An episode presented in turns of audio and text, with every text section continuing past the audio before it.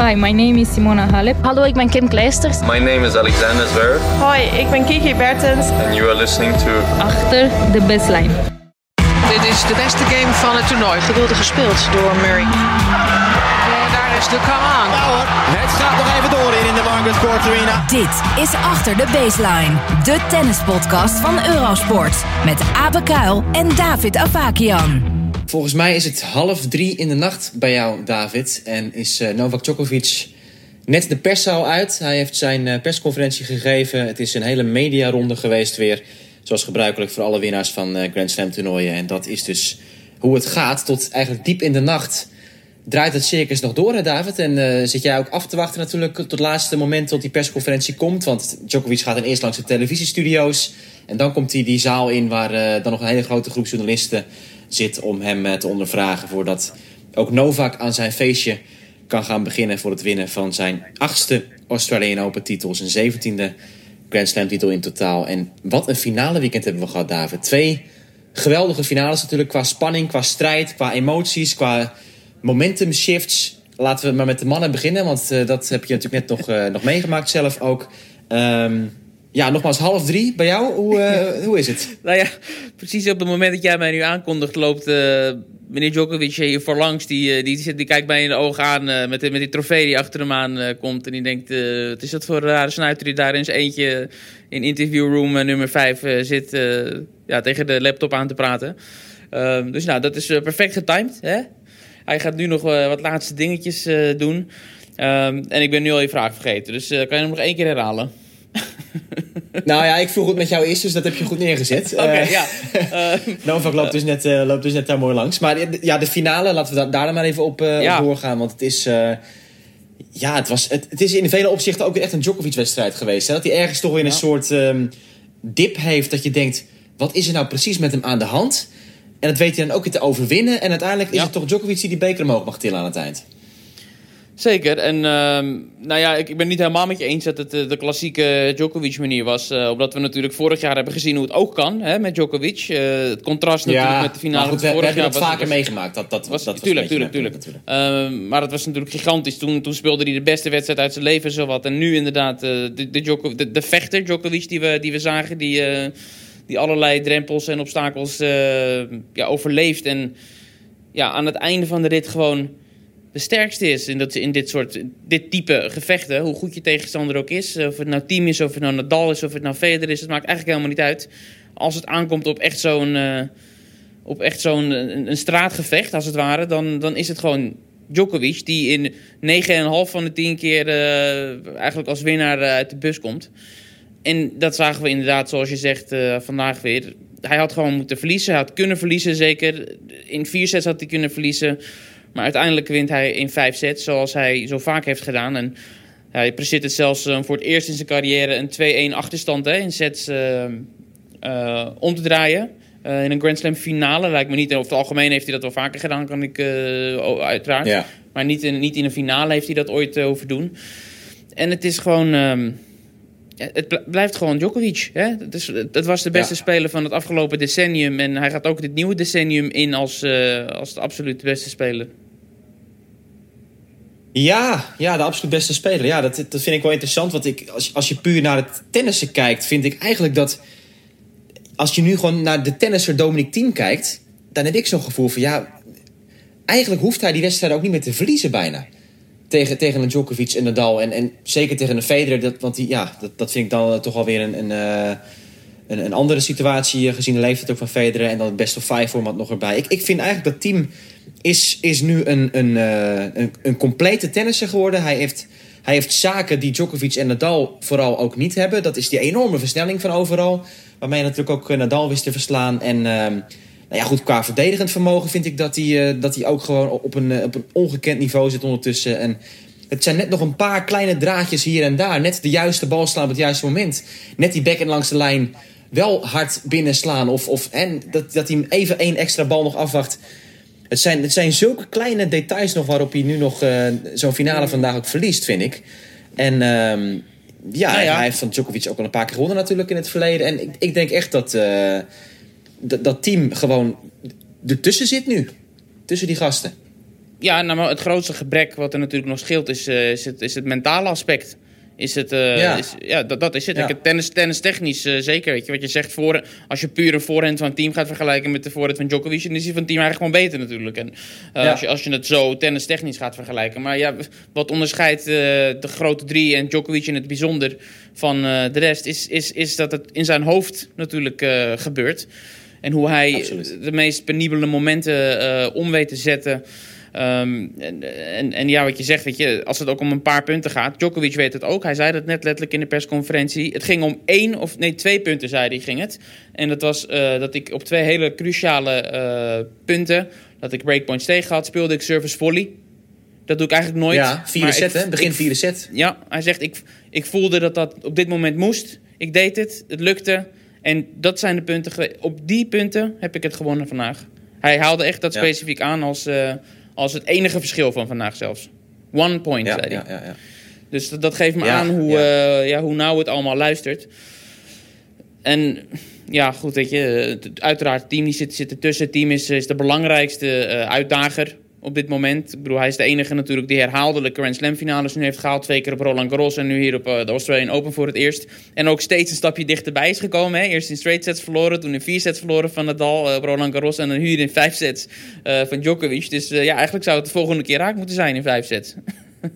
Ja, ja. Als de trend zich voortzet. even, over het, even over het hele verhaal Djokovic natuurlijk. Want het zag er echt even penibel voor hem uit. En ik hoorde hem Ja. ook al zeggen in een interview bij de Australische televisie... van zijn energieniveau, dat, dat, eh, dat, dat was helemaal ingestort.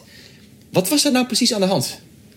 Nou ja, hij, gaf het net aan en hij was, er, eh, hij was teleurgesteld in zichzelf tijdens die wedstrijd. Omdat hij te maken kreeg met... eh, ja, met heel, hij was gedehydrateerd, werd hem verteld. En hij was verbijsterd daardoor, want hij zegt... ik heb niks anders gedaan dan ik ooit... Ik doe altijd gewoon dezelfde routine, alles was precies hetzelfde. Ik, ik, ik drink genoeg water, ik drink genoeg allerlei andere zaken die ik moet doen.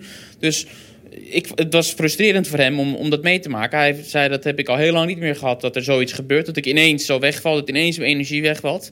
Ehm, nou, toen hebben ze dus hem eh, wat, wat spulletjes eh, gegeven. Ook vanuit de box hè, werd hem eh, een en ander aangereikt. Ik weet niet of dat te zien was op tv. Eh, maar wat er dus gebeurde was dat er vanuit zijn box een ballenjongen een, een speciaal drankje aangereikt kreeg. Om dat naar Djokovic te brengen. Ehm, daar wil ik even op, op ingaan. Want in de persconferentie werd hem gevraagd door een journalist die eh, heel erg eh, zich bezighoudt met, eh, met wat sporters allemaal doen. En ook echt heel erg op de doping zit. Nu wil ik niet suggereren dat, dat Djokovic doping gebruikt. Maar ja, deze journalist die viel dat op. En hij vroeg meteen van ja, wat was dat nou? Wat kreeg jij nu? Dat je en daarna ineens ook weer beter ging spelen. En Djokovic gaf geen antwoord. Hij zei, dat is een, een magisch drankje wat mijn, wat mijn arts in zijn laboratorium heeft eh, gekunsteld. dat vond ik niet een heel gelukkig antwoord eerlijk gezegd. maar hij, hij Nee, ging er niet op nee. in. Ehm, en ja, daarmee was het over. Het, wa- het was een hoogst opmerkelijk moment wat mij betreft in die persconferentie. En eh, verder ging er niemand ook eh, op in. Ehm, maar ja, dat is dus het moment wat daar gebeurde. Hij, hij zakte in één en dat moest hersteld worden en dat lukte. Ja, en, en dat, dat is dan dus puur dat, dat drankje geweest... waardoor hij zich weer beter is gaan voelen. Nou ja, goed, dat weten we dus niet. Daar wilde hij verder niks over kwijt. Eh, maar hij had van die dokters dus te horen gekregen van je bent gedehydrateerd. Dat is je probleem, daarom Ja. ben je duizelig. En Ja, ehm, oké. eh, dat is het. Maar ja, we zagen hoe hij uiteindelijk gewoon natuurlijk herstelde daarvan. Ja, precies. Ja. Ja, goh, ja, wat, wat moet ik er nog meer over zeggen? Het is... eh, ja, wa- waar verliest team die wedstrijd op? Ja, het zijn, wat Djokovic zegt, die paar punten. En het was natuurlijk weer een, een, een bevestiging eh, van team ook... dat hij toch ook op alle podia, op alle momenten gewoon die, die, die slagen kan doorhalen. Het ik vind het ook zo ongelooflijk als hij in die backhandhoek wordt gezet. Nou ja, het was ook die cruciale passing tegen Nadal die hij daarmee maakte natuurlijk. Ja. Op, eh, in, die, in die tiebreak van de vierde set op, op 6-6. Hoe hij daar echt die, die zwiepen steeds maakt en zo. Ja, Ja, maar- het is echt een, een, eh, een aanwinst. Voor je gevoel raakt hij altijd die backhand te laat, hè? En te laat en achter Ja. zich half. En toch weet hij zo'n enorme roei uit te delen. Want je verwacht elke keer, die vliegt het net in. Ehm, Ja. Maar, maar het, zij scheert steeds over het net en er zit met een tempo in. En nogmaals, wat ik ook in die vorige podcast zei... Als dat, op tv ziet dat er al indrukwekkend uit. Maar als je het echt live meemaakt, dan is dat eh, nog, nog extra eh, indrukwekkend. Wat had team eh, te zeggen verder? Wat was zijn reactie op deze partij? Hij was enerzijds teleurgesteld, maar anderzijds ook ja, hij berustte in het resultaat. Hij zei, ik heb eigenlijk nergens spijt van. Hij haalde ook die vierde set aan met die breekkansen. Dat dat, ja, als hij dan iets moet zeggen, dat was zonde. Eh, maar ja, dat werd gewoon weggewerkt door Djokovic. Hè? Dat, dat, is niet echt dat hij daar eh, een geweldige fout maakte of wat dan ook. En hij, ehm, hij ging een beetje door op wat hij ook in de prijsuitreiking zei over het tennis anno 2020 en het tennis met deze drie grote meneren. Hè, dat het een eer is om daar deel uit van te, te maken. Om tegen die spelers te spelen, om, om beter te worden, om te leren van hen. En dat het gewoon ehm, ja, een feit is dat de, hoogstwaarschijnlijk de drie beste tennissers alle tijden gewoon tegelijkertijd spelen. Ja, dat is, dat, dan blijft er weinig over voor de rest. En dat was Ja. een beetje het, eh, het thema eigenlijk van, eh, van de persconferentie. Ja, ik, ik, vond, ik vond het wel mooi dat dat, dat team zei van, ehm, dat hij wel heel graag hoopt dat hij zijn eerste Grand Slam titel wint voordat deze Ja. jongens allemaal gestopt zijn. Hè? Dat was nog een mooie... Ja, hij zei letterlijk, dat, dat is meer waard. Dus een Grand Slam winnen Ja. is gewoon me- meer waard in, in, in, zeg maar op dit moment... dan als die gasten er niet meer zijn. Ja, ja, ja precies. Oké, ja, dat was dan de ontknoping van het, eh van het mannentoernooi natuurlijk. Eh, een dag eerder hadden we wel een, een verrassing. Eh, een, een grote verrassing op voorhand als we hadden gezegd... eh Kennen die gaat het toernooi winnen. Ja, dat, dat, ik denk niet dat iemand dat op zijn papiertje had ingevuld. Ik had wel het gevoel eigenlijk dat ze de finale zou winnen tegen Muguruza. Dat, ik heb natuurlijk met Raymond Sluiter die, die wedstrijd samen mogen doen van, met het commentaar bij, bij Eurosport. En ehm, ja, gewoon het, het feit dat je, dat, dat je enerzijds, je weet natuurlijk Muguruza heeft de ervaring.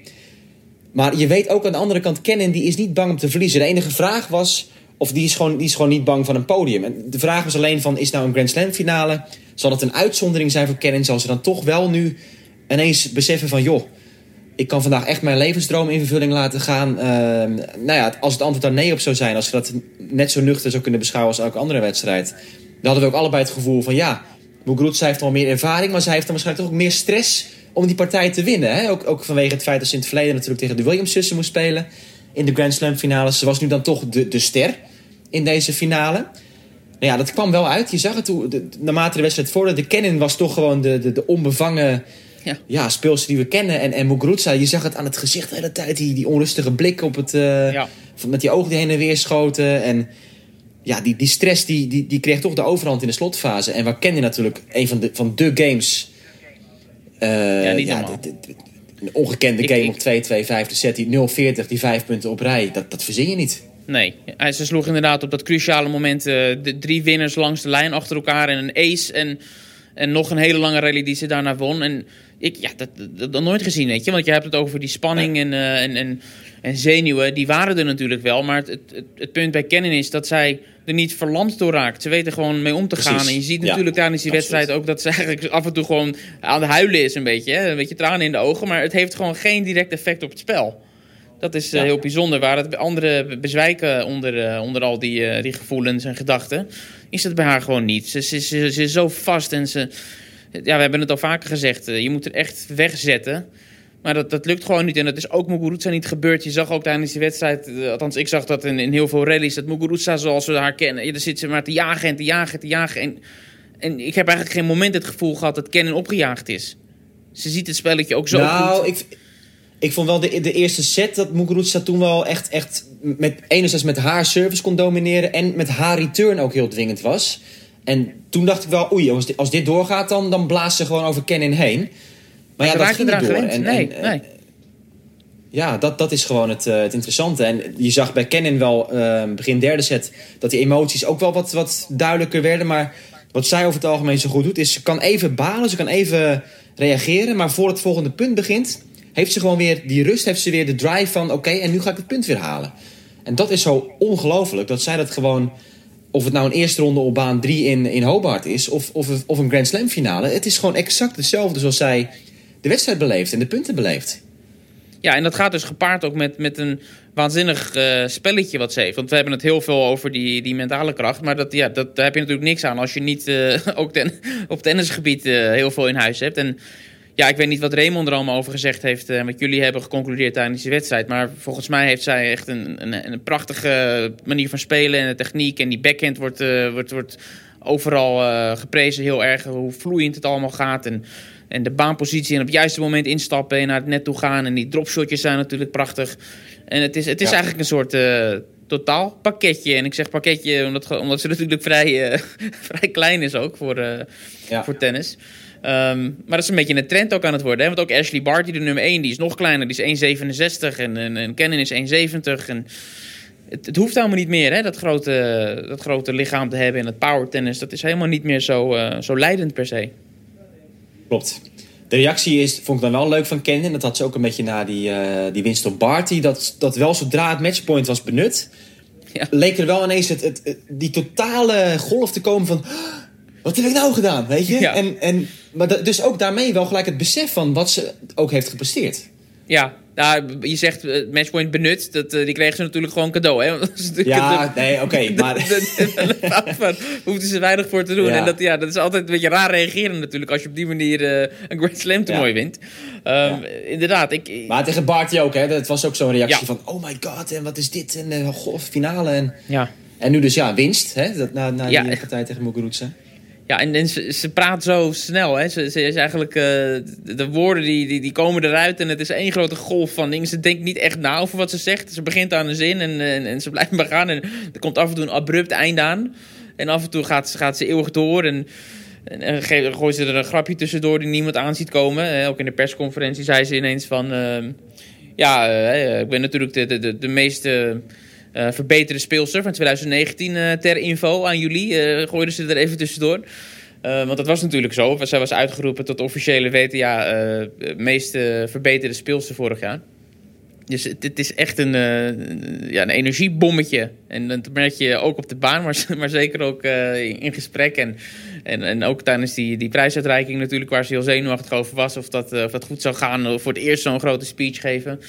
Dus het is echt een hele, hele leuke, positieve ehm, verschijning, denk ik. En echt een aanwinst wel voor, ehm, voor de top 10 ook. Want daar gaat ze nu natuurlijk eh inknallen. Hè. Nummer 7 wordt ze. Ze gaat eh, Serena Williams voorbij. En dat is natuurlijk wel heel belangrijk. Want het maakt haar de nummer 1 van de Verenigde Staten. En dat is, ehm, ja, dat is, we hebben, we hebben dat verhaal al vaker aangekaart. Het is echt iemand die zelf daar is gekomen. Eigenlijk heel weinig steun van de Amerikaanse tennisbond en zo heeft gekregen eh, tijdens haar jeugd. Echt zelf gedaan, samen met haar vader, die ook een heel groot podium kreeg hier tijdens de persconferentie erbij was. En ook helemaal aangevallen werd door een eh, groep journalisten en zijn, eh, zijn verhaal kon doen. Dat was hartstikke, hartstikke mooi om, eh, om te horen en mee te maken. Is een hele, hele lieve, lieve man is dat. En dat is natuurlijk heel vreemd, hè, want op de baan zien we hem, hem vaak heel erg meeleven. En, en tijdens het WTA toen zien we, zien we die coachingsmomenten natuurlijk... dat hij in het Russisch hè, haar, haar, haar coaching geeft. Terwijl ze natuurlijk de Verenigde Staten vertegenwoordigt. Maar hij heeft echt een, eh, een, een, een profiel opgebouwd... en is, is echt een hele geliefde man geworden nu. Ja, Raymond die, eh, die, die vertelde het ook eh, inderdaad. Ook dat hij dat het echt, echt een hele grappige vent is op de Tour. En ja, dat, dat, dat, hij, dat ze toch gewoon ook...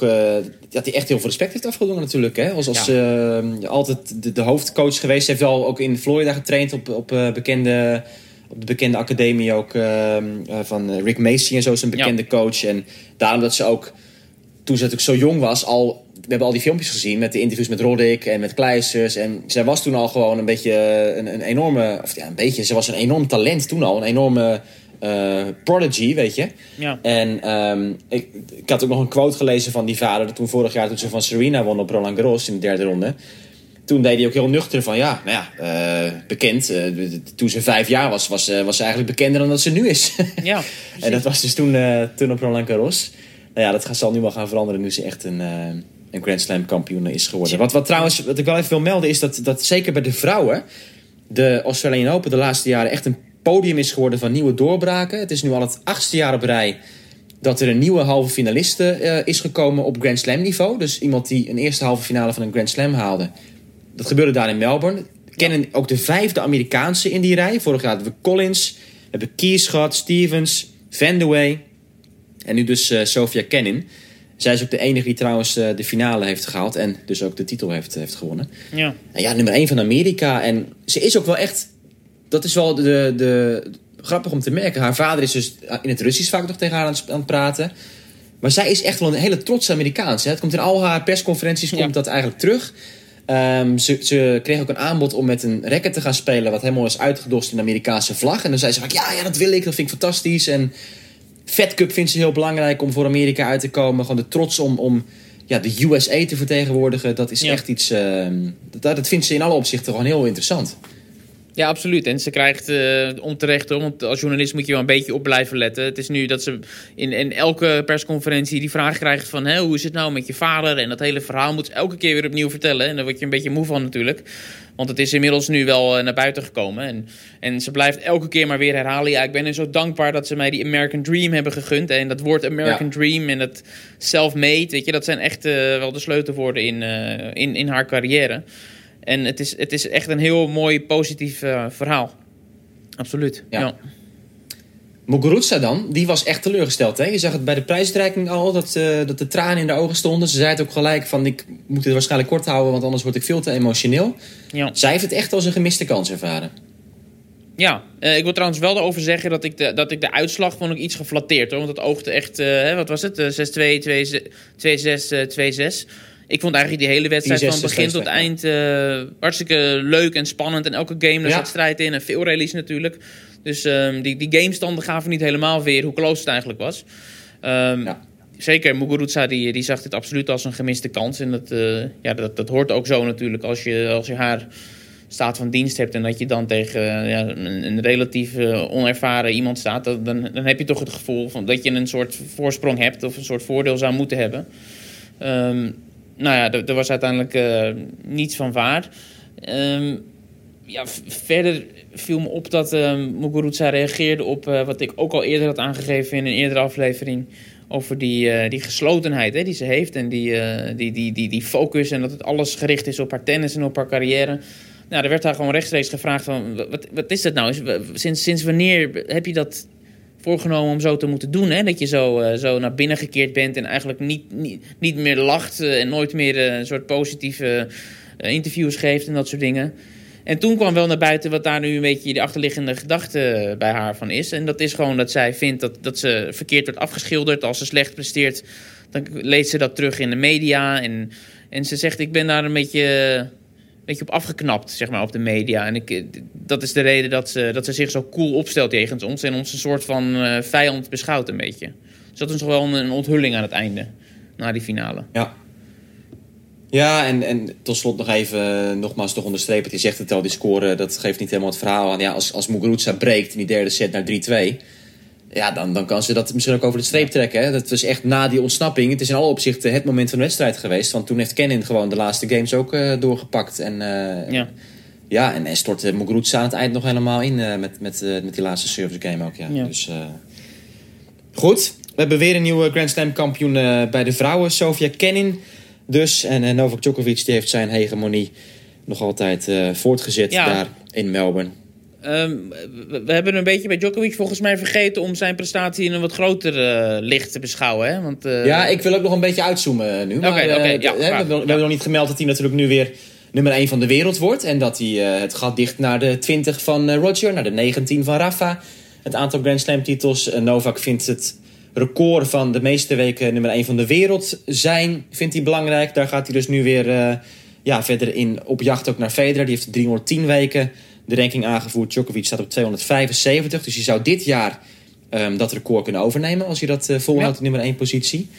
En dat zijn denk ik wel de, de hoofdzaken. Um, toch? Of heb jij, uh, heb jij iets Nee, nee, nee dat is uh, natuurlijk het, het cruciale. Hè? Dat hij in die, in die race om de meeste Grand Slams... En, en zijn tweede grote doel, wat hij nu echt steeds vaker benadrukt... dat de historic number one heet dat dan officieel. Precies. Om de meeste, de meeste weken als nummer 1 ehm, af te sluiten... En ja, dat is gewoon heel dichtbij. Hè? Als hij deze, deze vorm uh, door weet te zetten. En, en uh, de vorm is natuurlijk meer dan alleen de Australian Open. Want we moeten niet vergeten dat hij ook de ATP Cup natuurlijk met Servië won. Uh, voordat dit toernooi begon. Dus hij heeft echt een waanzinnige, waanzinnige start gemaakt weer aan, aan dit nieuwe decennium. En is ook, hè, dat, ook nog een mooie statistiek was dat de, de eerste speler in het proftijdperk... die nu in, in drie verschillende decennia een Grand Slam toernooi heeft gewonnen. Hè? Ze zijn eerst in 2008 en um, ja, nu dan hier in 2020 uh, nummer 17. Dus ja, Djokovic, uh, die, die, die, die, nou goed, die is natuurlijk al langere tijd in de race om, uh, om, om de meest succesvolle tennisser alle tijden te worden. En ja, goed, hij, hij blijft bouwen. Verder uitzoomen, David, het mannentoernooi, wat, wat blijft voor jou hangen qua gevoel bij deze Australian Open? Wat, wat zijn nog interessante uh, nou, zaken. Ja, ik, ik wil nog één ding vergelijken met eerdere Grand Slams. Het is voor de eerste keer ooit hè, dat, dat drie Grand Slam toernooien op rij... de mannenfinale in een vijfsetter eindigt. Oké. Wimbledon, eh, natuurlijk Federer Djokovic, die eh, historische finale. Toen de US Open eh, Nadal tegen Medvedev is ook vijf sets. En nu ook. En dat is nooit eerder gebeurd. Dat eh drie nee. Grand Slam. Dus dat is echt wel, eh, wel, wel, ja, wel een historisch moment, kan je, kan je misschien zeggen. Eh, maar over dit toernooi specifiek is me ook bijgebleven gewoon het grote aantal vijfzetters. Hè. Veel eh, die, die match tiebreak hebben we gezien. Zeker. Eh, natuurlijk die ontsnappingen van Federer blijven hangen. Ehm, ja, eigenlijk... Dat zijn toch de meest dramatische... Ja, Kyrgios, we hebben die bosbranden natuurlijk. is heel belangrijk om te benoemen. Dat was eigenlijk het, het, het overkoepelende thema van begin tot eind. Dat er ook natuurlijk constant geld werd ingezameld. Voor elke ace stond een bedrag natuurlijk tegenover... om, in, eh, om aan al die goede doelen te besteden. Dus het was een beetje een... Een, een, een, een, een, mooi Grand Slam, een mooi begin van een nieuw jaar... maar wel met een soort deken van, eh, van verd- verdriet zeg maar, eroverheen in die zin. En dat kwam natuurlijk ook heel mooi eh, tot uiting in, in, in die verschillende reacties en in die prijsuitreiking. Ja, en Djokovic die het over het overlijden van Kobe Bryant had uiteraard. Eh, daar werd hij ook nog wel weer een beetje emotioneel over. Hij had dat, dat vest weer aan met, eh, met, met de initialen Ja. van Kobe en zijn nummers. En ehm, ja, er is 6 miljoen dollar eh, ruim opgehaald voor, voor de bosbranden. Dus dat is natuurlijk een, een, een prachtig bedrag. En ehm, ja, uiteindelijk, ik heb het ook een beetje het gevoel van... Er zal ook een stukje opluchting nog zijn bij het toernooi volgens mij. Want we weten natuurlijk als we terugdenken aan nog voor de eerste bal van het hoofdtoernooi was geslagen... Ja, was de Australian Open al wereldnieuws met Ja. het moment van de kwalificaties met, met Jakupovic... die door de, de slechte luchtkwaliteit moest opgeven bij een voorsprong. Nou ja, dat, dat ging allemaal Ja. de wereld over. En toen was er de vrees van, zal dat allemaal een factor zijn tijdens het toernooi? Nou, dat is natuurlijk geen dag zo geweest. Hè? Er is geen moment geweest dat er eh, sprake was van slechte lucht. Nee, ja, dat is nou ook nog een mooi punt wat je aansnijdt. eh, over de lucht, over de weersomstandigheden in het algemeen. Buitengewoon eh ongebruikelijk. Dus er hebben heel veel mensen die hier al eh, echt eh, 30, 40 jaar komen... hebben aangegeven dat dit de eerste keer is dat er zoveel schommelingen tijdens het toernooi zijn geweest. Van, van 43 naar de ene dag tot regen, de andere dag tot 20, 22 graden vandaag. En morgen gaat het nog verder volgens mij zakken naar 16 graden. Dus er is geen pijl op te trekken. En ehm, ja, dat maakt het voor die tennissers natuurlijk ook eh, een heel avontuur hier. Ja, absoluut. Ehm, ja, dan... eh, oh ja, wat ik nog wilde zeggen is dat... doordat Djokovic heeft gewonnen... dat toch het verhaal van de grote drie... ja, dat blijft Ja. dan toch weer eh, leven. Hè? 13 Grand Slam toernooien nu inmiddels op rij... toch gewonnen door Djokovic, Nadal en Ja. Federer. En eh, nou ja, Roland Garros komt eraan. Dus de kans is aanwezig dat dat nog verder wordt uitgebouwd. Ehm, Ja, ja, en, voor, voor mij... ik- ja, zo zou maar kunnen, ja. Ja. ja. ik vind het toch leuk dat dat, dat team nu echt gewoon heeft bewezen, ook op Grand Slam niveau, op hardcourt, hè, dat hij echt, echt gewoon een wereldtopper is. En ehm, ja, dat we toch een nieuwe verhaallijn mee moeten nemen vanaf het begin in de volgende Grand Slams. En de- goed, en, en Medvedev, Tsitsipas, die hebben dit, dit toernooi wat minder gedaan. Maar ik denk dat het echt een heel leuk jaar gaat worden in het mannentennis met die, eh, met die mix. Zverev die toch een halve finale haalt uit het niets. Ja. Ook een grote verrassing eh, daarbij. Die zal ook gewoon weer een goed jaar gaan draaien, denk ik. Die zal ook, ja, misschien toch, eh, toch Ja. een finale gaan halen dit jaar van een Grand Slam toernooi. Als je dit zo ziet en de, de potentie er altijd nog, nog Ja. aanwezig zit. Dus het wordt een meer open gevecht volgens mij. We gaan echt die Ja. mix van die generaties volgens mij eh, meer zien dit jaar bij de mannen. En dat is alleen maar, eh, alleen maar mooi. En, en we hebben natuurlijk gezien eh, wat Kyrgios kan doen hè, als hij er zin in heeft. Dat is ook nog wel echt een verhaal Ja. geweest. Weet je, op het moment dat hij eh, vol toewijding eh, hè, eh, aan zo'n toernooi bezig is. Als hij een reden heeft om goed te spelen. Een reden groter dan zijn eigen belangen. Want daar geeft hij eigenlijk niet zoveel om. Dan eh, daar blijven we toch allemaal op hopen. Hè, dat hij gewoon met volledige inzet gewoon een heel seizoen gaat spelen. Maar dat blijft tegelijkertijd altijd maar de vraag of dat gaat lukken. Ja, ik, ik ga me daar niet eh, weer, heel enthousiast over maken. Want die, die- dat is echt zo'n valkuil waar we zo, zo vaak zijn ingetrapt natuurlijk. Ja, dat je keer iets leuks te doen. En dan, Ja. eh, hij zal nu niet ineens elke dag eh, in de gym zitten. Of, of, weet je, dat gaat volgens mij gewoon niet veranderen. Dus dat, ik, ik, ik denk dat het, dat het altijd een beetje een, Ja. een, een verloren talent zal blijven. In zekere zin, uh, Nick Kyrgios. Maar ja, Ja. wie weet. We gaan het, we gaan het meemaken. Ja. Ja, bij de vrouwen natuurlijk. Ik denk dat er op Roland Garros straks 30 kandidaten zijn inmiddels die gewoon het toernooi kunnen winnen. Want het, het houdt maar niet op. Elk toernooi Ja. hebben we gewoon weer nieuwe namen die zich, eh, die zich aandienen. Ook los Ja. van Kenin ja, de, de, de jonge Poolse, hè, de Iga Swiatek, als we dat zo eh, moeten Ja. uitspreken op de, de Poolse manier. Ehm, ja, wie hebben we nog meer gehad? Er zijn zoveel, zoveel jonge meiden die op de deur kloppen. Tegelijkertijd, ja, Kiki Bert is gewoon een vierde ronde gehaald. Daar moeten we ook uiteraard nog even op terugkomen. En als die iets scherper is, ja, dan kan zij ook gewoon tegen Muguruza een veel betere partij spelen. Wie weet wat er dan nog in het vat had gezeten. Eh Bertens zal een factor blijven, ook dit jaar. Dat, dat hebben we wel weer kunnen concluderen deze maand. Ook dat ze gewoon, ook zonder Raymond Sluiter, dus goed is begonnen aan het seizoen. Kwartfinale Brisbane. Nu vierde ronde Melbourne. Dat is, eh, dat is niet verkeerd. En daarmee is ze gewoon beter begonnen dan vorig jaar. Dus dat is alleen maar een eh, pluspunt voor, voor Kiki. Serena, de 24. Wordt alsmaar lastiger, denk ik, hè? Nou ja, op zich, volgens mij was het nu fitter dan, eh, dan, dan ooit. Hadden niet dan ooit, dan, dan in ieder geval sinds ze terug is eh, van haar zwangerschap. Eh, en ze heeft ook in een minder goede doen heeft ze vier finales gehaald de afgelopen jaren van Grand Slams. Dus als, ik, ik, hou, ik, ik hou nog wel gewoon vertrouwen dat als het allemaal gewoon een keer valt, als het een keer de, de loting ook wat beter uitvalt en dat ze bijvoorbeeld in de finale niet tegen, ja, tegen wie heeft ze nu allemaal gespeeld, altijd wel, wel redelijk sterke spelers ook. Eh, Kerber een paar keer en dan Andrescu en Osaka, dat zijn toch niet de eerste de beste, weet je. Maar dat kan ook voor hetzelfde geld, eh, hebben we gezien vorig jaar, Vondrousova of zo worden. Hè? Eh, Bart die stond Roland Garros finale tegen en ik geloof niet dat, dat Serena Williams van Vondrousova verliest, bijvoorbeeld. Dus als dat allemaal gewoon een Nee. keer, hè, als, het puzzel, als de puzzel goed komt te liggen, dan, dan moet het toch lukken. Ehm, en ik noemde de naam van Andrescu al, en daar wil ik iets aan toevoegen. Dat is wel echt een. Dat blijft een enorm vraagteken. En dat leeft hier ook op dat toernooi heel erg en onder de, onder de pers. Van haar afwezigheid maakt toch dat je een beetje denkt van... ja, maar als zij er wel was geweest... dan had het misschien heel anders gelopen allemaal. Want zij wordt toch wel een beetje Tuurlijk. gezien als, als, als de... ja, de, de bijna onverslaanbare speelster. hebben we gezien vorig jaar. En omdat ze zo weinig speelt... hebben we ook heel weinig informatie over haar. Maar als ze speelt, dan wint ze. Ja.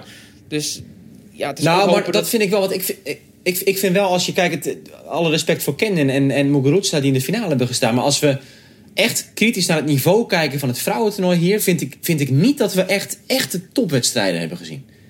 Echt dat je denkt van wauw, dit is echt. eh, zoals Andrescu dat wel heeft gedaan vorig jaar. Of zoals Osaka eh, vorig jaar won. Of, of de US Open. Weet je, dat, dat, echt, dat er echt een niveau werd gehaald dat je denkt van zo.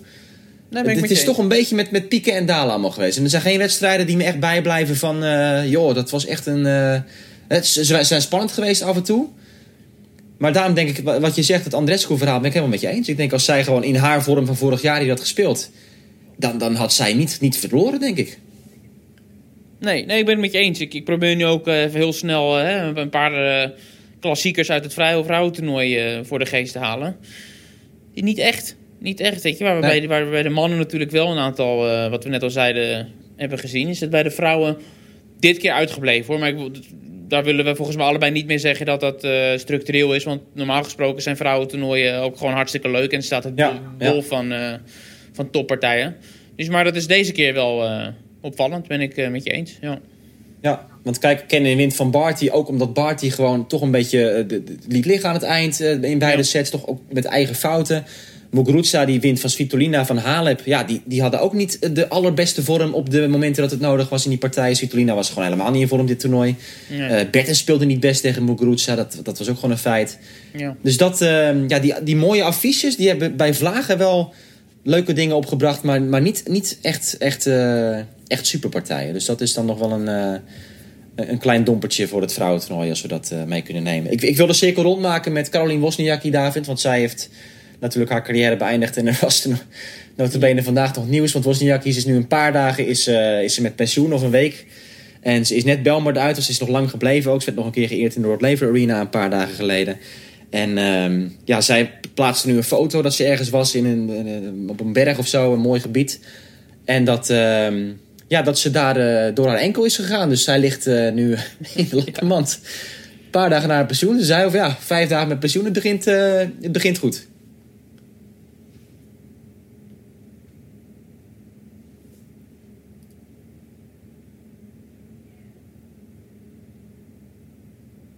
Ja, Fabian, hier gaan we weer oppakken. David, ik had het over Wozniacki, dat hoorde je niet. Ik heb je gehoord dat je zei ehm, dat het door de enkel is gegaan. Daarna viel je weg. Oké. Ehm, jij kan hem oppakken nu van... ehm, ik zei dus, het was op de berg en eh, daar eh, ging het mis. En ze lag, eh, ze had een foto geplaatst vijf dagen met pensioen of zo. En eh begint lekker. Dus als je hem daar kan oppakken, dan Mo- Oh, daar moet ik wat over zeggen. ook zo stil aan gaan afronden. Ja, ik kan gewoon even inhaken. Dan kunnen we zo afronden. Ja, en misschien door het gebrek aan, eh, aan die topwedstrijden blijft eh, dat vertrek van, van Wozniacki natuurlijk extra nog, eh, nog hangen.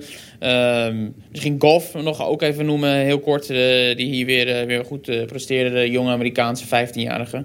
Ehm, dus ja, wel degelijk een memorabel vrouwentoernooi eh, in andere opzichten. Goed, David, jij kan ook weer eh, normale eh, nachten gaan slapen binnenkort, denk ik. Want het is natuurlijk voor jou ook een heel avontuur geweest. Het zijn natuurlijk Ja. eh, bizarre toernooien altijd voor, eh, ja, voor, voor alle betrokkenen. Met, met, je begint overdag en ja, elke dag ga ik tot diep na middernacht eh, ga, je, ga je door. Dat hoort er allemaal bij, maar het is wel een... eh, het, het blijft altijd een bijzondere ervaring, zo'n eh, zo'n Grand Slam toernooi. Dat weet ik ook heel goed van eh de moment dat ik er zelf natuurlijk bij was. En ook voor ons als commentatoren. We hebben alle nachten doorgehaald. En eh, ja, Raymond Sluiter erbij gehad. Ook een mooie, mooie ervaring volgens mij voor de, voor de kijkers ook. En dat, eh, wie weet dat het ook eh, nog door zal gaan verder in de toekomst. Maar wij kunnen gaan afronden, David. Jij gaat morgen naar Ja. huis, hè? Weer vliegen. Morgenavond, ja. Ik heb morgen de hele dag nog eh, om hier een beetje eh, rond te hangen. Dus dat, eh, daar ga ik zeker gebruik van maken. En hoe lang duurt de terugreis? Eh, ja, wat is het? Eh, je, je reist nu terug de tijd eh, in, hè, als het ware. Dus, dus ik, ik kom eigenlijk, ik vertrek maandagavond lokale tijd en ik kom dinsdagmiddag 1 uur aan. Dus dat is heel goed te doen. Dus ehm, Maar zo'n Terug naar 24 Nederland. uur reis of zo, hè, geloof ik. ja, ja, ja. Eén overstap. Niks mis mee. ja, één overstap via Abu Dhabi. Ja. Oké, oké.